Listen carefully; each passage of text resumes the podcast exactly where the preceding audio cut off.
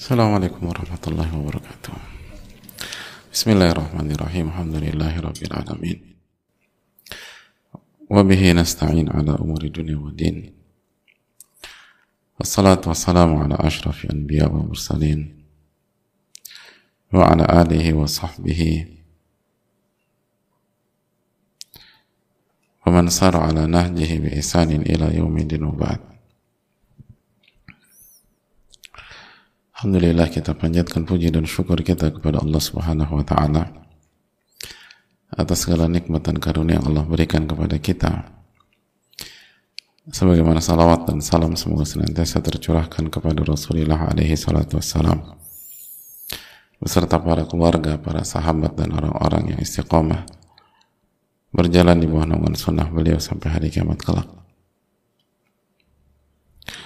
Allahumma inna nas'aluka ilman nafi'a wa na'udzubika min ilmin la yanfa'. Hadirin Allah muliakan Alhamdulillah kita panjatkan puji dan syukur kita kepada Allah Tabaraka wa Ta'ala atas nikmat yang Allah berikan kepada kita sebagaimana salawat dan salam semoga senantiasa tercurahkan kepada Rasulullah alaihi salatu wassalam serta para keluarga para sahabat dan orang-orang yang istiqomah berjalan di bawah naungan sunnah beliau sampai hari kiamat kelak. Hadirin Allah muliakan. Alhamdulillah kita bersyukur kepada Allah Subhanahu wa taala atas segala nikmat yang Allah berikan khususnya nikmat waktu nikmat hidayah, nikmat kesempatan untuk mendekat kepadanya, nikmat bertakwa, nikmat diberikan akses menuju kampung akhirat, nikmat yang uh, kalau seorang itu paham keutamaannya maka Allah mengatakan huwa khairun mimma yajma'un. Itu lebih baik daripada seluruh harta yang mereka kumpulkan dalam surat Yunus. Tapi sering kali nikmat-nikmat ini tidak disadari. Padahal nikmat inilah yang nanti disesalkan oleh setiap orang yang lalai di saat kematiannya. Sebagaimana firman Allah Subhanahu wa taala dalam surat Al-Mu'minun ayat 99 hatta idza jaa ahada ahadahumul mautu qala sampai ketika salah satu dari mereka itu kedatangan kematiannya. Berhadapan dengan kematian saatnya dia wafat. Maka dia mengatakan qala rabbirji'un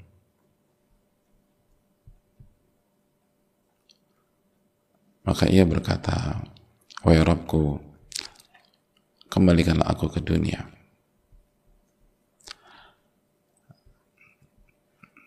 Ia minta waktu hadirin dia nggak minta uang. Dia nggak minta tanah. Dia nggak minta aset. Dia nggak minta properti. Dia minta waktu. Qala rabbir jiwan. Tolong kembalikan. Kasih waktu aku lagi di dunia. La'ali a'malu salihan fima taraktu. Agar aku bisa mengerjakan amal soleh yang selama ini aku tinggalkan. Jadi yang diminta itu waktu agar dia bisa beramal, agar dia bisa ikut kajian, agar kalau ngaji nggak bolong-bolong gitu, agar dia bisa ngamalin ilmu yang dia dapatkan, kalau selama ini dia nolak apa yang Allah perintahkan dan apa Allah larang agar dia bisa terima itu. Selama ini nolak gitu nggak terima ngebantah ngejawab segala macam. Nanti di kematiannya sudah minta tolong kasih waktu nanti saya terima semua deh gitu. La'alli a'malu salihan fima taraktu agar aku bisa beramal soleh yang selama ini aku tinggalkan. Kalla innaha kalimatun huwa qailuha. Apa responnya apa jawabannya? Kalla nggak ada. Nggak ada waktu lagi. Nggak ada kesempatan. Kalau mau baik kemarin gitu. Kalau mau baik bulan lalu berubah kalau mau beramal soleh bukan sekarang. Innaha kalimatun huwa qailuha. Kalau bahasa agak tajamnya ini nih omong kosong. Kita kasih waktu banyak dia nggak manfaatin. Kita kasih waktu bukan satu dua hari tapi dia nggak berubah. Dia ngambil keputusan dia nggak memilih hal pen, hal terpenting dalam hidupnya. Dia nggak buat keputusan besar. Dia nggak lakukan apa pun. Dia tenggelam dia lalai dia sibuk dengan urusannya dia ini. Kalla innaha kalimatun huwa ini cuman ucapan yang disampaikan. Wa min waraihim barzakhun ila yaumi yub'atsun yang harus dia jalani adalah barzakh. Sampai hari di mana dia mereka dibangkitkan.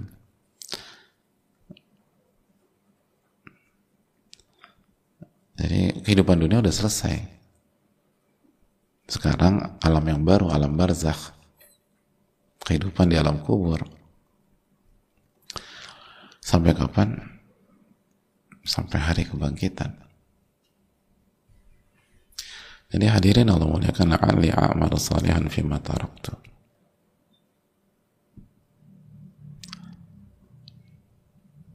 Jadi yang disesalkan oleh orang-orang yang nggak beriman sama Allah, nggak baik sama Allah, nggak soleh, itu mereka sesuatu kenapa ya? Gue nggak invest di sini secara dunia. Kenapa ya sumber hidup gue gue belum pernah jalan-jalan ke sini belum jalan-jalan ke sana belum jalan-jalan ke situ. Kenapa ya selama hidup gue gue belum pernah nyobain mak masakan ini gitu la'alli a'malu salihan fi taraktu. Yang disesalkan. Kenapa saya belum beramal dan yang dia, mereka minta adalah waktu. Waktu yang mereka minta. Oleh karena itu hadirin Allah muliakan. Mumpung ada waktu. Mumpung ada waktu dan waktu adalah hal yang apabila lewat dia tidak akan pernah kembali selama-lamanya. Tapi ya kata para ulama lagi tapi di, di waktu yang sama, waktu adalah hal yang paling mudah kita lalaikan. Paling mudah kita sia-siakan. Maka hadirin Allah muliakan. Mari kita camkan dan renungkan hal itu. Dan benar-benar diperjuangkan.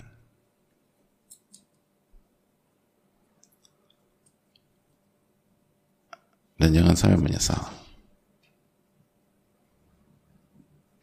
Jangan sampai menyesal.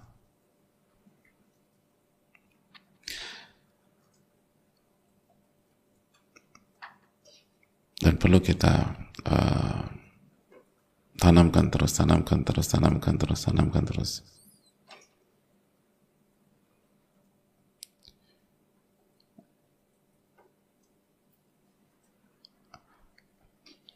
Dan semoga kita diberikan taufik oleh Allah Subhanahu wa taala untuk memanfaatkan waktu.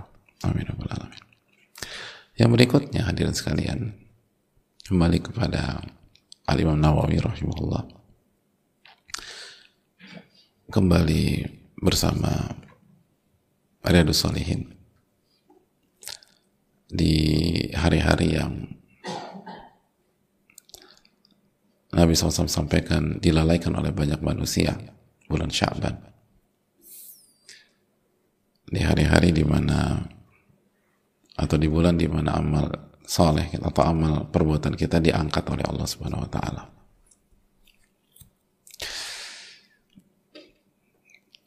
Kita masih berada di bab birrul walidain dan silatul arham.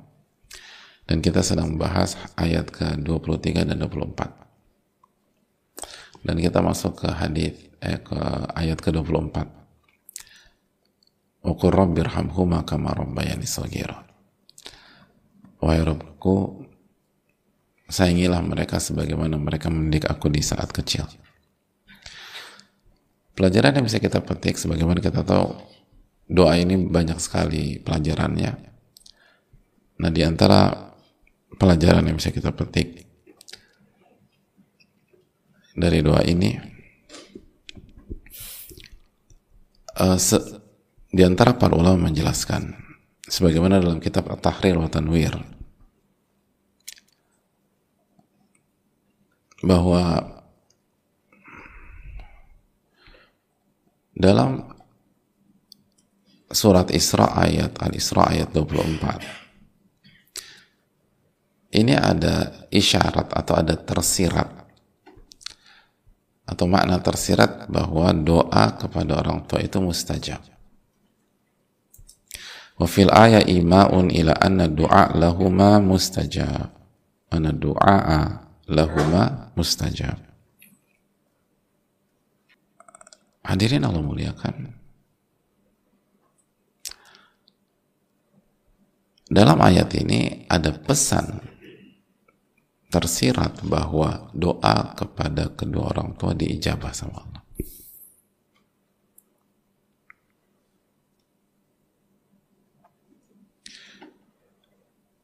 Kenapa demikian? Karena Allah memerintahkan secara khusus, eh doain orang tua.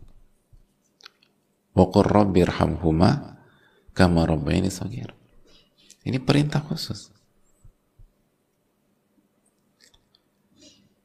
Kalau Allah perintahkan kita terus nggak diijabah, ya ini kontradiksi.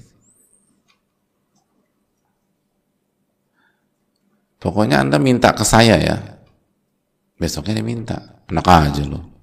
Kan bingung gitu loh. Kan, kemarin saya perintah minta sama Anda. Kenapa sekarang dilepahin?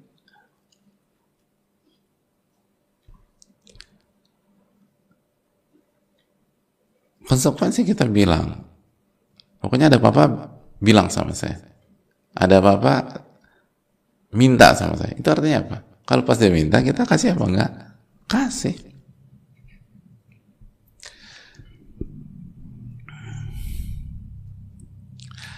lihat ya para ulama tuh ngebahas sebuah ayat tuh dalam hadirin sekali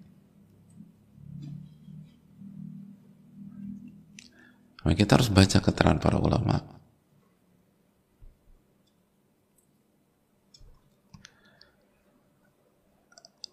Jadi namanya waqur rabbirhamhuma kama rabbayani saghira. Dan doakan rabbirhamhuma kama rabbayani saghira ini menunjukkan bahwa Allah akan mengijabah doa anak kepada orang tua. Anak yang soleh.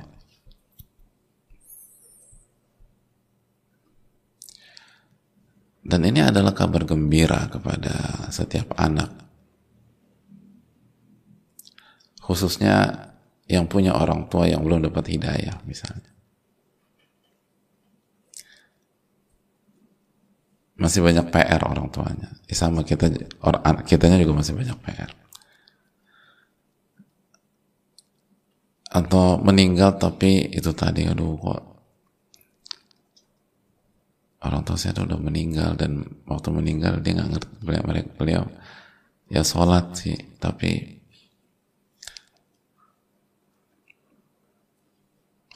doain ini.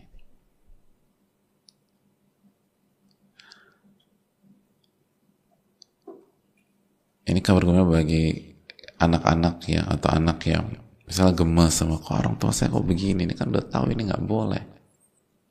Kok masih dikerjain juga? Ya juga dan meninggal dengan kebiasaan seperti itu.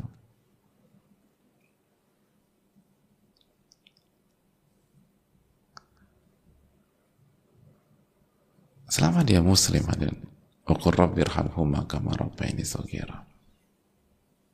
Dua anak itu dikatakan sebagai mustajab ketika mendoakan rahmat bagi orang tua.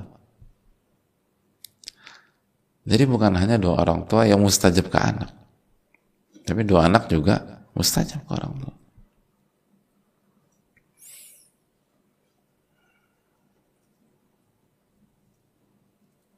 Itu penting.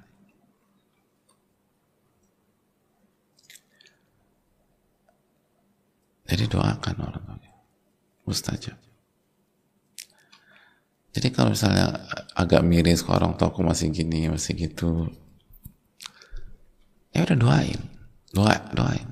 Daripada marah-marah nggak jelas, daripada sebel-sebel nggak jelas, nanti kita dosa lagi. Dan juga sebel-sebel sering kali nggak menyelesaikan masalah. Yang ada kita dosa. Mendingan kita doain. Ada pengaruh. Dan mungkin karena kita kurang doain mereka. Hanya fokus komplain tapi nggak doain.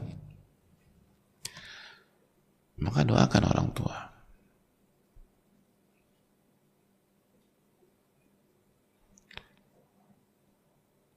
Artinya khususnya orang tua kita yang sudah wafat.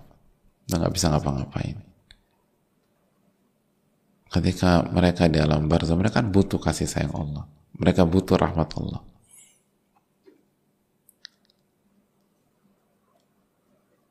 Mereka butuh kasih sayang dan butuh rahmat Allah subhanahu wa ta'ala.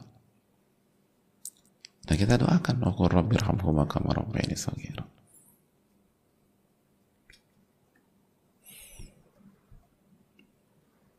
Itu penting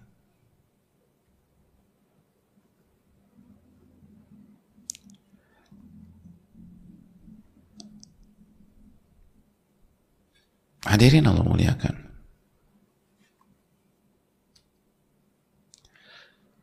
Pelajaran yang kedua dari apa cabang yang kedua dari keterangan para ulama ini ini berarti salah satu keutamaan punya anak yang soleh.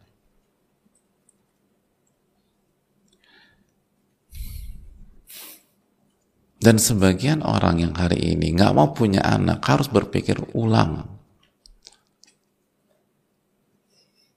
Apalagi kalau kita nggak punya prestasi apa-apa dalam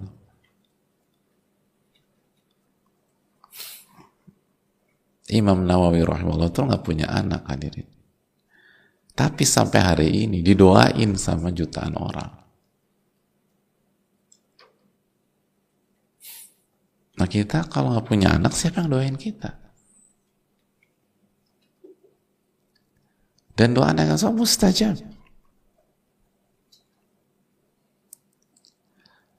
Jadi sebagian sebagian kita tuh kadang-kadang mikir hanya dari satu sisi simpel aja, ribet punya anak.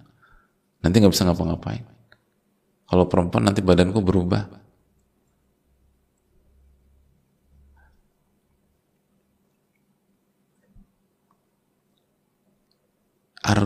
Al-gunmu bil gurmi hadirin. Ada pengorbanan itu, ada keuntungan. Ini keutamaan punya anak yang soal yang ngedoain orang tua. Jadi PR kita adalah bukan hanya punya anak, tapi didik anak kita jadi anak yang soleh. Itu kalau tuh anak doain kita mustajab.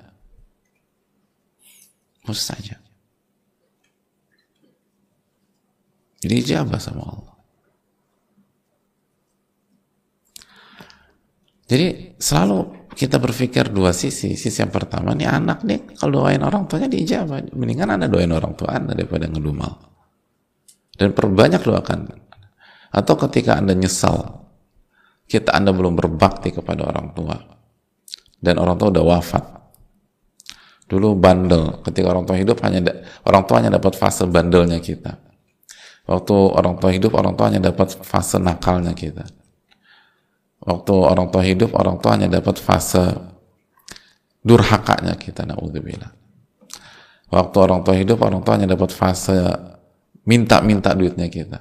Dikit-dikit minta duit, minta duit.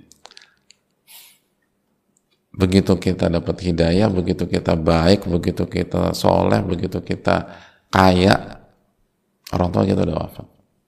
Dan banyak orang yang nyesel. Ada banyak orang nyesel dan nyampaikan Duh, saya belum bisa bahagiakan orang tua. Dulu orang tua meninggal pas saya masih susah. Sekarang saya udah punya semuanya nih. Orang tua nggak ada. Kalau saya udah bertekad gitu loh. Begitu saya kaya, insya Allah.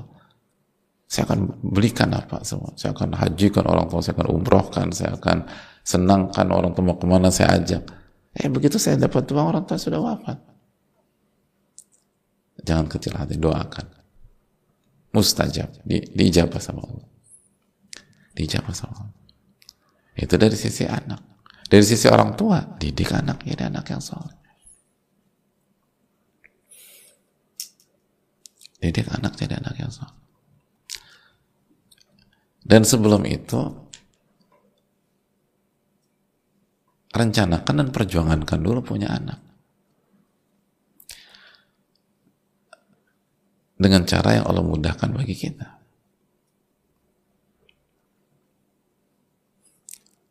Lalu didik tuh anak. Jangan punya anak itu kurang ajar tuh anak. Kena kita di hari kiamat. Punya anak nggak kita didik, nanti diserang kita di hari kiamat.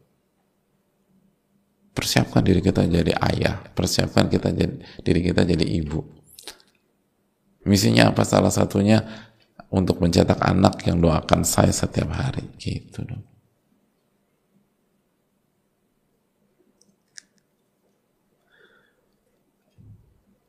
Adapun kalau kita nggak mau punya anak tanpa alasan syar'i, siapa yang mau doain kita diri?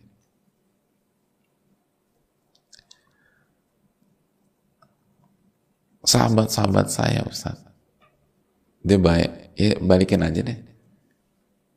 Kita punya sahabat nggak? Anda punya sahabat?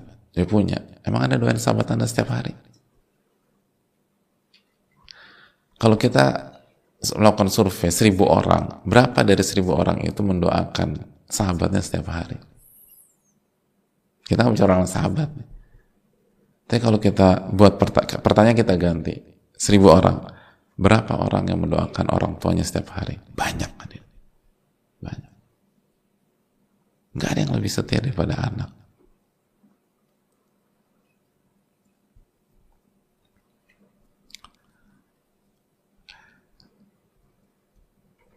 asal dididik gitu loh jadi ini jadi anak yang soleh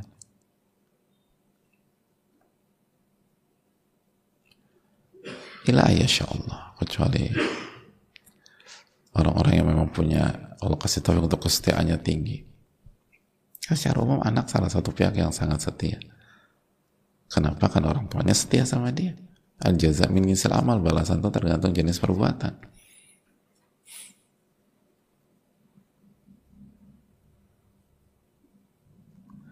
Tapi kalau kita nggak setia sama dia, jangan salahkan dia kalau nggak setia sama kita. Sibuk, nggak ada waktu sama anak. Di rumah udah kerjanya main gadget lah, sibuk inilah, sibuk itulah.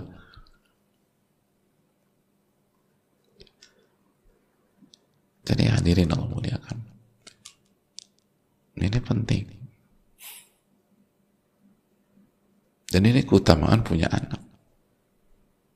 Nah gimana dengan orang yang nggak punya anak?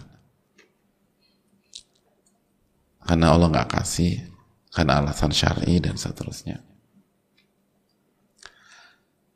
Maka pikirkan plan B hadirin. Dan di antaranya kata para ulama, punya anak ilmu. Anak ilmu. yang kita didik. Makanya kan di antara faedah, nanti kita bahas secara khusus ya, tapi sekilas info aja.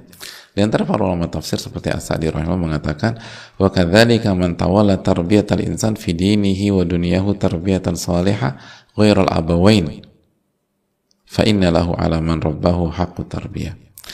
Kata para ulama, begitu juga orang yang mendidik manusia dalam urusan agama dan dunianya dengan tarbiyah yang baik selain kedua orang tua jadi sosok ini bukan orang tua guru misalnya. dia didik tuh murid-muridnya anak-anaknya dengan pendidikan yang baik maka guru itu bisa sosok yang mendidik itu punya hak yang hak, yang wajib ditunaikan oleh murid-muridnya. Punya hak. Asal tarbiyah dididik. Dan di antara hak itu doa. Itu murid harus doain gurunya.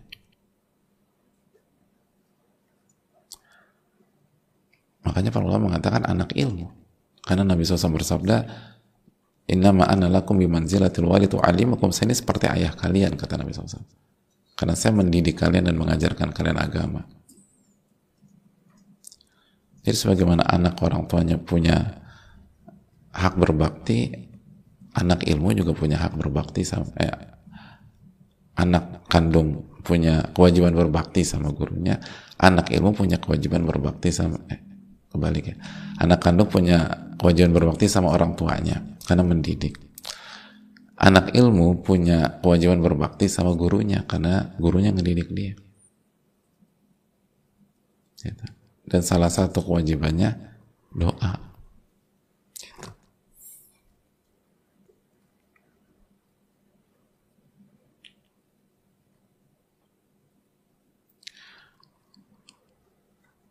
Gitulah hadirin.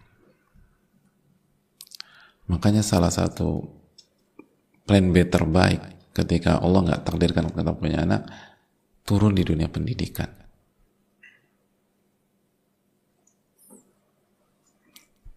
Turun di dunia pendidikan. Karena ini berkaitan dengan tarbiyah. Ayat ini tuh tarbiyah. Kamarok bayani sogiro nanti kita jelaskan bitnya sebagaimana mereka mendidik saya di waktu kecil. Maka setiap orang yang mendidik maka dia berperan seperti orang tua.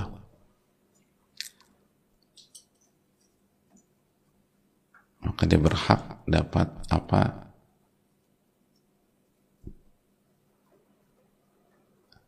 yang didapatkan orang tua dari sisi pendidikan. Di antaranya doa. Di antaranya bakti dan kebaikan. Itu poin.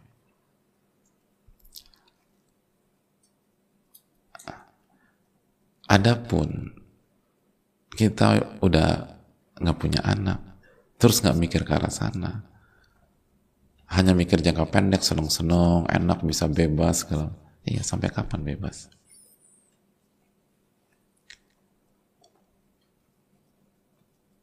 Siapa yang doain kita?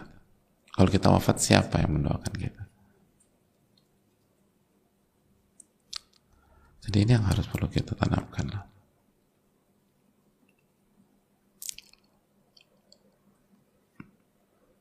Apa yang apa yang anda tanam itu yang anda panen kan selalu begitu. Anda tanam apa? Dan begitu juga dengan orang tua yang punya anak tapi nggak didik anak. Akhirnya anaknya nggak ngerti bagaimana mendoakan orang tua.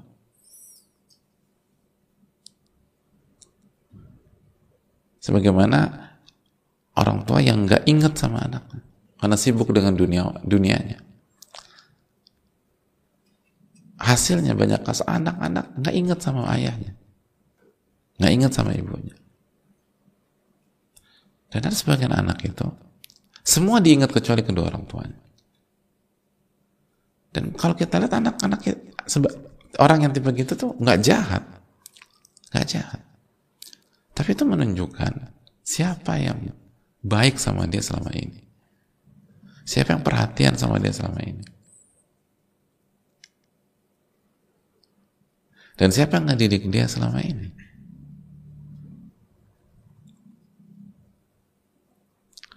Nah ini renungan bagi orang tua. Jadi jangan jangan kenapa ya kok anak aku lebih ke ke dia daripada ke aku. Aku kan yang melahirkan. Ya kita yang melahirkan. Tapi kita didik anak kita.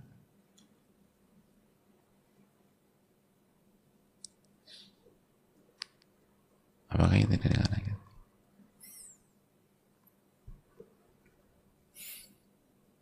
Kalau hanya sebatas melahirkan, ada banyak kasus. Anak-anaknya benci sama orang tuanya. Butuh dididik hadirin. Agar anak-anak itu mendoakan kita. Dan orang yang punya pengalaman hidup dan punya anak tahu itu. Atau sebaliknya lagi, kita yang belum punya anak atau uh, sudah jadi anak gitu. Kita tinggal evaluasi aja. Semoga Allah memberikan taufik kepada kita. Allah taala saya rasa cukup sampai di sini. Jazakallahu khairan. Kita bisa buka sesi tanya jawab di pertemuan yang akan datang. Bismillah taala.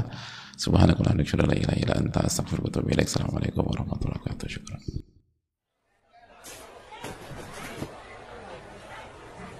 Berbagi paket energi Ramadan sekarang, insya Allah tuai pahalanya kemudian. Menyambut Ramadan 1444 Hijriah, Muhajir Project Peduli mengajak seluruh muslimin untuk mengambil bagian dalam program Paket Energi Ramadan. Insya Allah, paket energi Ramadan akan diantarkan kepada ahli ilmu, penuntut ilmu, dan fakir miskin di sejumlah kota kabupaten di Indonesia.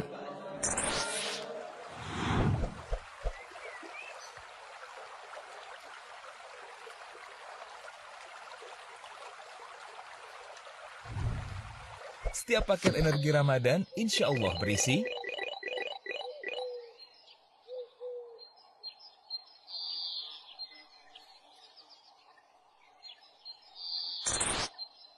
Bagaimana akad program ini?